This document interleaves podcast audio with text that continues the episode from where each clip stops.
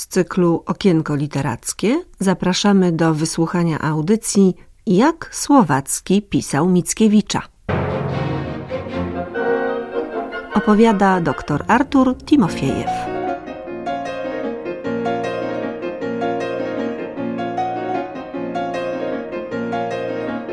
Związek Słowackiego z Mickiewiczem frapował i czytelników poezji, zarówno Mickiewicza, jak i autora Angellego, jak i później krytyków, badaczy, w zasadzie od samego początku, jeszcze za życia oczywiście Słowackiego, starano się jakoś ten związek mm, zinterpretować, starano się wytłumaczyć sobie tę dziwną zależność jednego twórcy od drugiego, a w zasadzie Słowackiego od Mickiewicza, bo tak spoglądano głównie na tenże związek. Do dzisiaj w zasadzie takiej przeciętnej świadomości czytelniczej, literackiej, można by mówić o kilku sposobach interpretacji tego związku, wywiedzionych właśnie z połowy XIX wieku. Pierwszy z nich, taki najbardziej, rzekłbym, klasyczny, to potraktowanie tego związku w kategorii antagonizmu, często określanego mianem antagonizmu wieszczów. Wydaje się, że na taką interpretację tego związku wpłynęły liczne konflikty, które faktycznie miały miejsce między Mickiewiczem a Słowackim.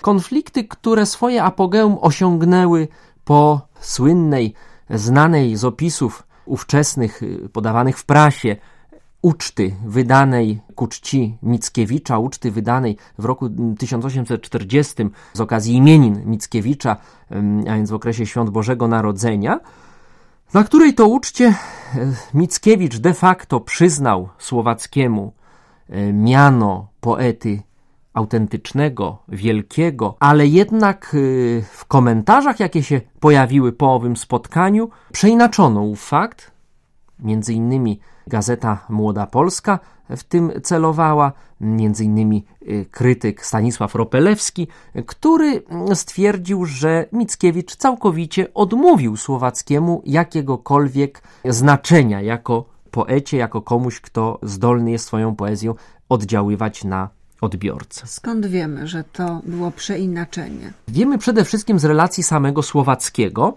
z relacji, którą moim zdaniem znakomicie od strony psychologicznej i czysto interpretacyjnej, posiłkującej się oczywiście na analizie faktów, pokazał Jarosław Marek Rymkiewicz w swojej znakomitej książce Juliusz Słowacki pyta o godzinę. Pokazał tam mianowicie to, co wydaje się było sednem owego konfliktu, mianowicie nie tyle sam antagonizm, jaki zaistniał między jednym a drugim wielkim poetą, ile właśnie złośliwość, stronniczość i samego Ropelewskiego i skupionej wokół niego koterii, często moim zdaniem niesłusznie zwanej koterią mickiewiczowską, więc ugrupowania krytyków, którzy w sposób hołdowniczy, w sposób y, jakiś taki absolutystyczny traktowali y, wszystko to, co powie Mickiewicz, natomiast z założenia, nie czytając dzieł Słowackiego, z założenia ujmowali je, oceniali negatywnie jako coś, co no, nie da się czytać po prostu. Odmiennie niż Mickiewicz, który, jak się okazuje, Słowackiego jednak szanował. Szanował, oczywiście, szanował i nie możemy w wypowiedziach Mickiewicza znaleźć takiej która by zdecydowanie była wypowiedzią potępiającą Słowackiego jako twórcę, czy potępiającą jego poezję.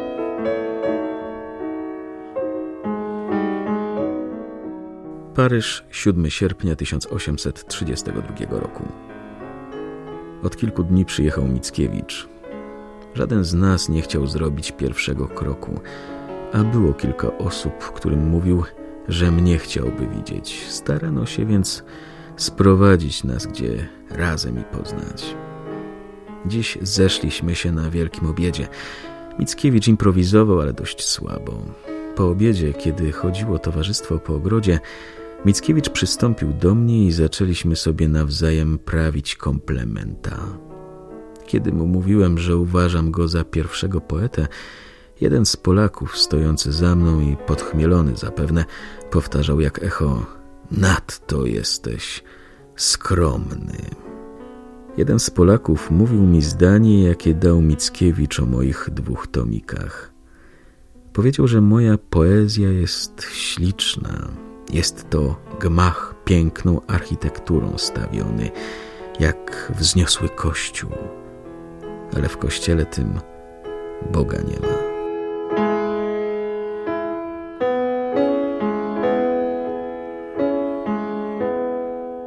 Oczywiście droga twórcza Mickiewicza i Słowackiego różniła się w sposób zasadniczy, prawda? To nie był ten sam model twórczości, to nie było to samo rozumienie poezji. Trzeba wyraźnie zaznaczyć, że i jeden i drugi wzajemnie cenili siebie, co zresztą e, Słowacki w zakończeniu słynnej pieśni Beniowskiego, pieśni piątej, prawda, wyraźnie stwierdził. Mickiewicz to nie jest ktoś, kogo nie należy cenić, czy kogoś, o kim nie warto by nawet mówić, ale jest to Bóg poezji, taki sam Bóg, jak on no, we własnym e, mniemaniu.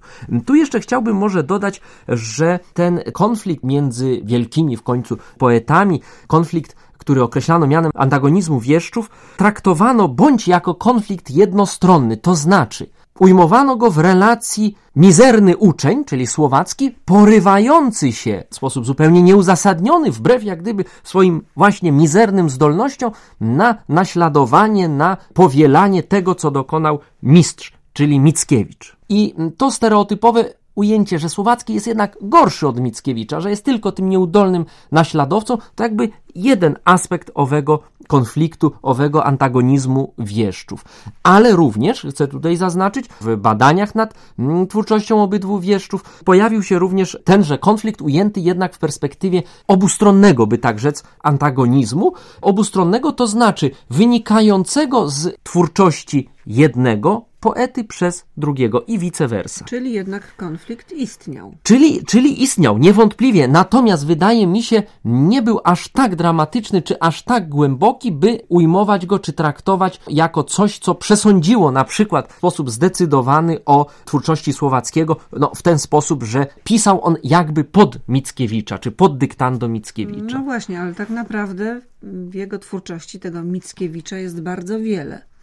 Więc może nie pod dyktando, a w takim razie jak można to A właśnie, a właśnie, bardzo, bardzo celne to y, pytanie i trafiające w sedno, że tak powiem, samej e, problematyki. E, mianowicie z zachowanej do dzisiaj spuścizny twórczej Słowackiego wynika jednoznacznie, że przynajmniej trzy najbardziej znaczące dzieła Mickiewicza, a mianowicie Konrada Wallenroda, Dziady i pana Tadeusza, usiłował Słowacki w jakiś sposób twórczo, powiedziałbym, skomentować. Polegałoby to na tym, że wszystkie te trzy dzieła, Walenroda, Dziady i pana Tadeusza, Słowacki zaczynał pisać na swój sposób, wedle własnej koncepcji ukazania, wyinterpretowania określonego tematu, czy tematu Walenroda, czy tematu dziadów, czy też właśnie tematu ogólnie powiedziałbym nie tyle Tadeusza, prawda, ale Soplicowa, jako owego centrum polszczyzny. Dlaczego Słowacki pisał Mickiewicza? Wydaje mi się, że odpowiedzi na to wypada poszukać przede wszystkim w ustaleniach badawczych profesor Aliny Witkowskiej i w ostatnim znakomitym tekście profesora Józefa Bachurza, zatytułowanym zresztą Słowacki w Soplicowie. Z ustaleń badawczych, które no, przede wszystkim wynikają z bardzo ścisłych, dokładnych, skrupulatnych analiz tekstu słowackiego i oczywiście odpowiednich tekstów Mickiewicza, wynika jednoznacznie, że nie było to na pewno naśladowanie Mickiewicza, nie było to powielanie, czyli inaczej powiedzielibyśmy, nie było to powtórne pisanie, wypowiadanie się na ten sam temat. Temat służył tu jedynie jako ten punkt orientacyjny, coś, czego zadaniem jest pokazanie własnej koncepcji poezji, własnej koncepcji poezji, oczywiście rozumianej w sposób romantyczny, a więc własnej koncepcji rozumienia polskości, zadań, jakie poezja, wczesna poezja winna w życiu narodowym spełniać.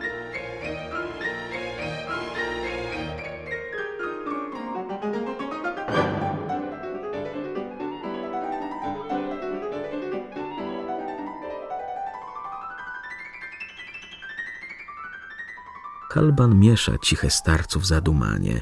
Litwa rzecze ostatni raz narodem wstanie i duchy się zobaczą w dwóch duchach obrońcach, a potem się rozlecą po gwiazdach i słońcach, po dawne wiary swojej jasne tajemnice.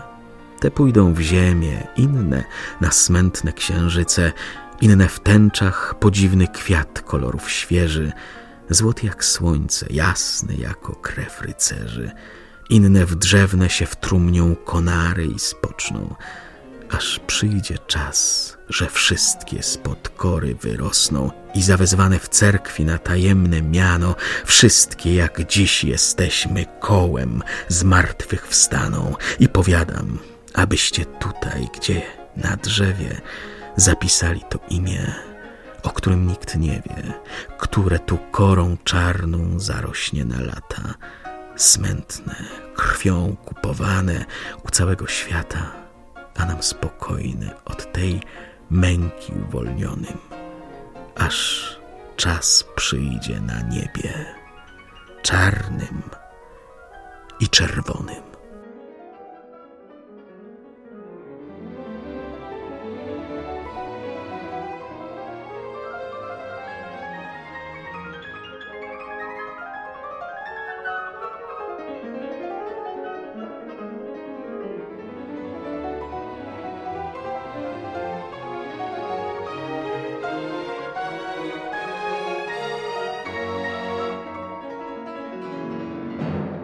Słowacki tę swoją e, refleksję nad istotą polskiej poezji, polskiej poezji romantycznej, dodajmy, wyraził właśnie w komentarzach dotyczących twórczości Mickiewicza. Słowacki, tak jak i inni, jak Krasiński chociażby, jak Norwid, oczywiście był przekonany w stu procentach, że Mickiewicz pierwszy wprowadził poezję polską na zupełnie nowy teren, pierwszy w sposób precyzyjny, dokładny określił cele poezji polskiej, pierwszy związał ją w sposób istotny z życiem narodowym. Ale, tak jak wynika to z Beniowskiego, tak jak wynika to z pieśni piątej przede wszystkim, nie tędy droga, nie tak poszedł Mickiewicz. Punkt wyjścia był dobry, natomiast dalszy kierunek poezji Mickiewicza był niewłaściwy. Warto tutaj odwołać się do sądów słowackiego o panu Tadeuszu. Przecież w momencie opublikowania pana Tadeusza w latach 1834 i początku 35 Słowacki wyrażał o tym tekście wręcz entuzjastyczne opinie. Tekst mu się podobał w każdym dosłownie szczególe. Taką uwznioślającą, można powiedzieć, opinią o Mickiewiczu było sformułowane przez Słowackiego w liście do matki porównanie Mickiewicza jako autora pana Tadeusza do Walter Scotta, więc do postaci pomnikowej wręcz dla mm, epiki romantycznej. Sąd Słowackiego o panu Tadeuszu z upływem czasu zmieniał się. W Beniowskim, jak wiemy, jest to sąd krytyczny. Sam Beniowski jako poemat od strony fabularnej jawi się przecież jako polemika z wzorcami pokazanymi w panu Tadeuszu, polemika z pewnymi konstrukcjami fabularnymi, które oczywiście istnieją w poemacie e, Mickiewicza. Nie jest to jednak odrzucenie czy potępienie tego poematu. Jest to tylko krytyczna ocena, wskazanie czy powiedzenie, że właśnie Mickiewicz, pisząc pana Tadeusza, poezję polską tą żywą, romantyczną, zamienia już w coś, co będzie przypominać, jak sam to w pieśni piątej ujmie słowackiej, już próchno. Coś, co jest martwe. Coś, co z bezpośrednim związku z życiem narodowym przestaje istnieć. I proszę Państwa, ten sąd najbardziej krytyczny pojawił się w tak zwanym okresie mistycznym twórczości Słowackiego. Wtedy Słowacki w swoim bardzo prywatnym, powiedzielibyśmy intymnym dzienniku, raptularzu, opublikowanym zresztą w dziełach wszystkich Kleinera, zanotował no, tę słynną uwagę, te, te słynne porównanie, że Tadeusz jest ubóstwieniem wieprzowatości życia. Uwaga to miażdżąca, uwaga krytyczna niezwykle, potępiająca wręcz pana Tadeusza. Dało to asumpt późniejszym krytykom do twierdzenia, że oto Słowacki w tym ostatnim okresie swojej twórczości całkowicie twórczość Mickiewicza, poezję Mickiewicza przekreśla czy odrzuca. Nic podobnego. Nic podobnego. Słowacki w okresie mistycznym, który jest jednocześnie no, ostatnią fazą jego twórczości, wiadomo, zbliżająca się śmierć, przerwała tę twórczość. Słowacki w owym okresie, można powiedzieć, podjął trud olbrzymi wysiłek stworzenia pewnej syntezy historyczno-literackiej.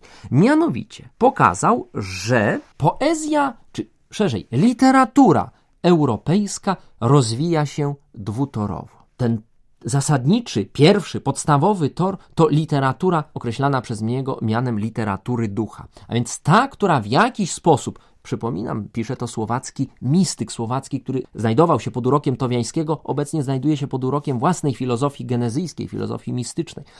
Otóż ta literatura ducha jest dla niego swoistym objawianiem prawd wiecznych, prawd ducha absolutu. Poeta, pisarz, tworząc dane dzieło, staje się tylko przekaźnikiem, staje się głosem absolutu, głosem ducha, który objawia przez niego, przez jego dzieło właśnie owe istotne prawdy. Natomiast drugi tor, ten, w który właśnie wpisał się Mickiewicz, to ton literatury ciała, literatury przyziemnej, często trywialnej, powtarzam tu opinię Słowackiego, której takim wzorcowym, jak gdyby uosobieniem jest Cervantes i jego Don Quixote. Stąd ta krytyczna ocena dzieła Mickiewicza. Słowacki nie polemizuje z wartością poetycką dzieła, nie przekreśla statusu pana Tadeusza jako dzieła właśnie. Natomiast powiada, że jest to dzieło z zakresu właśnie owej literatury ciała. Nie tak zatem, zdaniem Słowackiego, należało temat polskości czy centrum polszczyzny, jakim jest Soplicowo, przedstawić. Stąd konsekwentnie podejmuje próbę nowego opracowania tego właśnie tematu, swoją próbę, którą no, w wydaniach pośmiertnych krytycy określili tytułem również pana Tadeusza.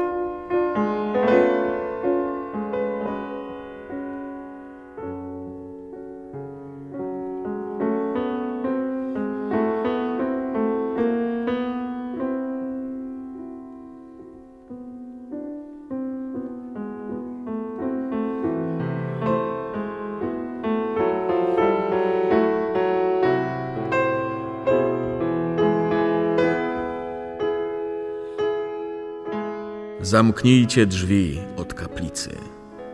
Czas przypomnieć ojców dzieje. Czekajcie, niechaj dudziarz przyjdzie z okolicy i z chłopiętami piosnkę zwyczajną zapieje o chłopaku, co niegdyś umarł na Wicinie. Girlanda mgieł płynie. Stańcie tu na mogile. Cud, cud zobaczycie. Czego chce ta szalona? Na pochmurnym błękicie, jak wojsko Ezdralona, ciągną chmurni rycerze. Widzę rumaków oczy, chorągwie i pancerze. Tam harmata się toczy, a tam ogień wytryska. Patrzcie, duchy, zjawiska. W imię Ojca i Ducha, co ty mówisz, kobito? Noc spokojna i głucha, w cerkwi ogień nakryto. Żadna skra nie wyleci, nic nie błyska, nie świeci. Gustaw, Gustaw, patrzcie, nie spojrzał w tę stronę, głosu mego nie poznał. Gustaw znika. Dzieci moje, za tego z piekieł nieboszczyka, zmówmy trzy zdrowaś Maryja.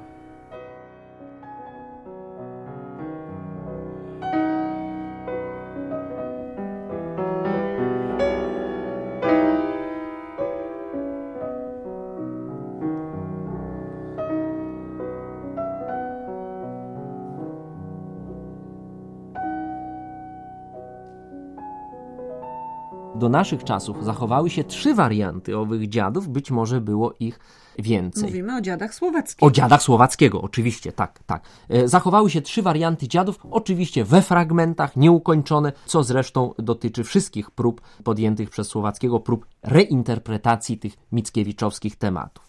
Otóż dziady Mickiewicz zaczął pisać swoje dziady, jak wiemy, w okresie wileńsko-kowieńskim. Później, po klęsce powstania listopadowego, wrócił do tematu dziadów w roku 1832 w Dreźnie, stąd miano dziadów drezdeńskich. Słowacki potraktował dziady Mickiewicza jako całość, jako jeden dramat, bez różnicowania, czy są to dziady wileńskie, czy dziady drezdeńskie. A jak wiemy, miał do nich, do tego dramatu mm, stosunek krytyczny wynikający z fałszywego jednak, czy przejaskrawionego pokazania własnego ojczyma, Augusta Byky, który oczywiście aż tak chyba winny i aż tak podły chyba jednak nie był. Dziady Słowackiego powstają, te trzy próby zachowane do dzisiaj dziadów Słowackiego powstają w okresie mistycznym. A zatem właśnie w tym okresie, kiedy Słowacki wypracował już własną koncepcję rozwoju literatury nie tylko polskiej, ale i europejskiej i wpisał w tę koncepcję Mickiewicza. Dziady Słowackiego to przede wszystkim refleksja o młodzieńczej twórczości Mickiewicza. Mickiewicz pojawia się tam we wspomnieniach, jakie snują z jednej strony ksiądz, który w dziadach Słowackiego reprezentuje zarówno owego starca czy guślarza znanego nam mm, z drugiej części dziadów, jak również księdza głównego bohatera czwartej części dziadów, a kobietą, która nosi cechy Karusi, tej z ballady y, romantyczność Mickiewicza, cechy pasterki, która pojawia się w finale części drugiej, wreszcie i cechy ukochanej Gustawa, Marii, Maryli. Otóż z tego dialogu, z tej rozmowy między księdzem a kobietą wynika, że oczekują oni na spotkanie z zaginionym Gustawem. Wspominają dzieje sprzed prawie ćwierć wiecza. A więc, gdybyśmy chcieli to z kalendarzem w ręku określić, wspominają ten okres w historii rozwoju i polskiej literatury, i w historii rozumianej dosłownie, który związany był właśnie z dziadami wileńsko-kowińskimi, a więc początek lat dwudziestych. I w tych wspomnieniach przewija się, proszę Państwa, zasadniczy główny wątek, że oto dzięki Gustawowi powstała na nowo poezja polska.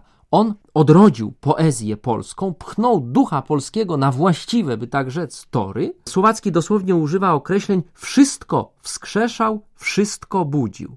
Był zwiastunem Złotej Jutrzenki. Oczywiście ślad metaforyki wziętej z Ody do młodości Mickiewicza. Wskazuje to jednoznacznie na ocenę Mickiewicza jako twórcy. Mickiewicz i tu Słowacki powtarzał tezę, którą w zasadzie każdy romantyk akceptował i uznawał za swoją. Mickiewicz to ten, który zapoczątkował romantyzm, czyli zdaniem Słowackiego tę prawdziwą, żywą polską poezję na początku lat dwudziestych. To ten Mickiewicz, Mickiewicz utożsamiony z Gustawem, jest tym cudownym, jedynym poetą, jedynym skrzesicielem poezji polskiej, bo oczywiście zdaniem romantyków poezja polska umarła w czasach oświecenia. Natomiast dalsza twórczość Mickiewicza, tak jak już mówiliśmy, ta, której kondensacją jest pan Tadeusz, to zejście Mickiewicza z tego właściwego toru, to wejście na tory literatury ubóstwiającej właśnie ową wieprzowatość życia.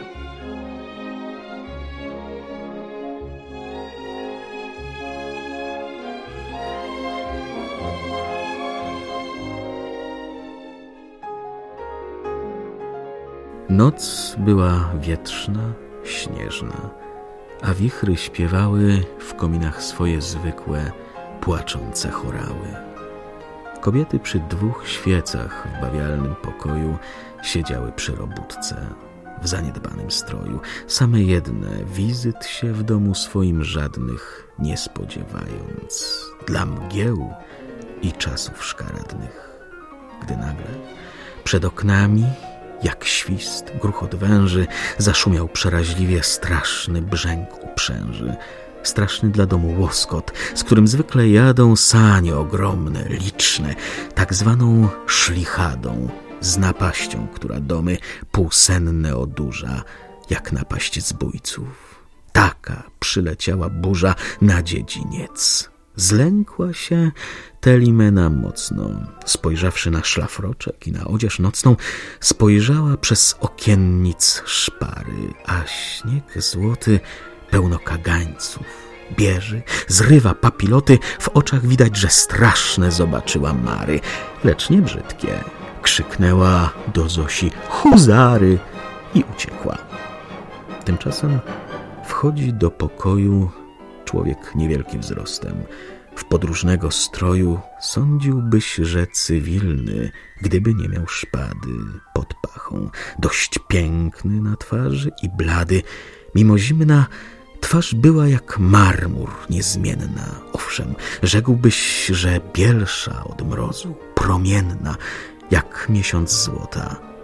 Oddał lekki ukłon Zosi. Ona się zlękła, oczy spuszcza, nie podnosi, nie śmie, stoi jak posąg, a w sobie rozważa, czy ma uciec, czy zostać. Poznała cesarza Napoleona.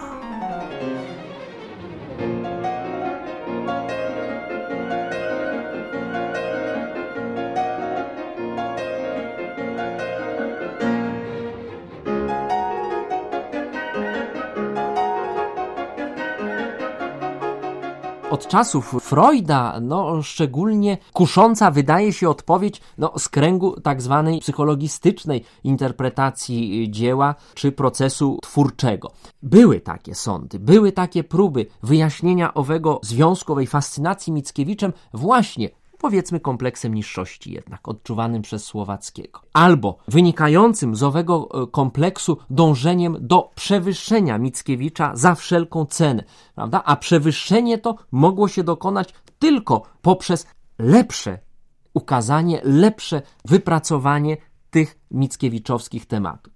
Wydaje się jednak, że niezależnie od tego, na ile psychologia, czy bliżej mm, rzecz ujmując, psychoanaliza ma tutaj mm, rację i na ile uzasadniona jest taka interpretacja tego związku, odpowiedzi należałoby również poszukać w samych tekstach i w kontekście właśnie literackim mm, epoki.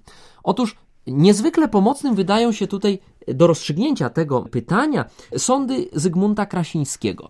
Zygmunt Krasiński, który jak wiemy tematów mickiewiczowskich nie podejmował, no jednak po śmierci Mickiewicza, po śmierci Adama, jak go określał, sformułował to słynne zdanie, czy to słynne stwierdzenie, że my z niego wszyscy. Wydaje się, że Słowacki, podobnie jak Krasiński, tak jak właśnie mówię, inni romantycy, był świadomy tego, że Mickiewicz poprzez swoje tematy, temat, który można by stereotypowo ująć, temat walenrodyczny, temat dziadów, jako temat narodowy, czy i temat nieszczęśliwej miłości, czy temat właśnie owego centrum polszczyzny, jakim było Soplicowo w panu Tadeuszu, że Mickiewicz pierwszy trafił w sedno jakby świadomości polskiej, w sedno polskiej wyobraźni, wydobył z niej to, co o kształcie, o niepowtarzalnych cechach tej polskiej wyobraźni stanowi. A zatem w tym kontekście pisanie, powtórne jakby pisanie tematów mickiewiczowskich byłoby nie tyle próbą ciągłego zbliżania się do Mickiewicza czy powielania go, ile próbą zbliżania się do tych niezmiennych, uświęconych tradycją, nieprzemijających, tworzących pewne niezmienne podstawy polskiej świadomości, polskiej wyobraźni tematów. I ja bym był skłonny widzieć ten związek właśnie w tym oświetleniu.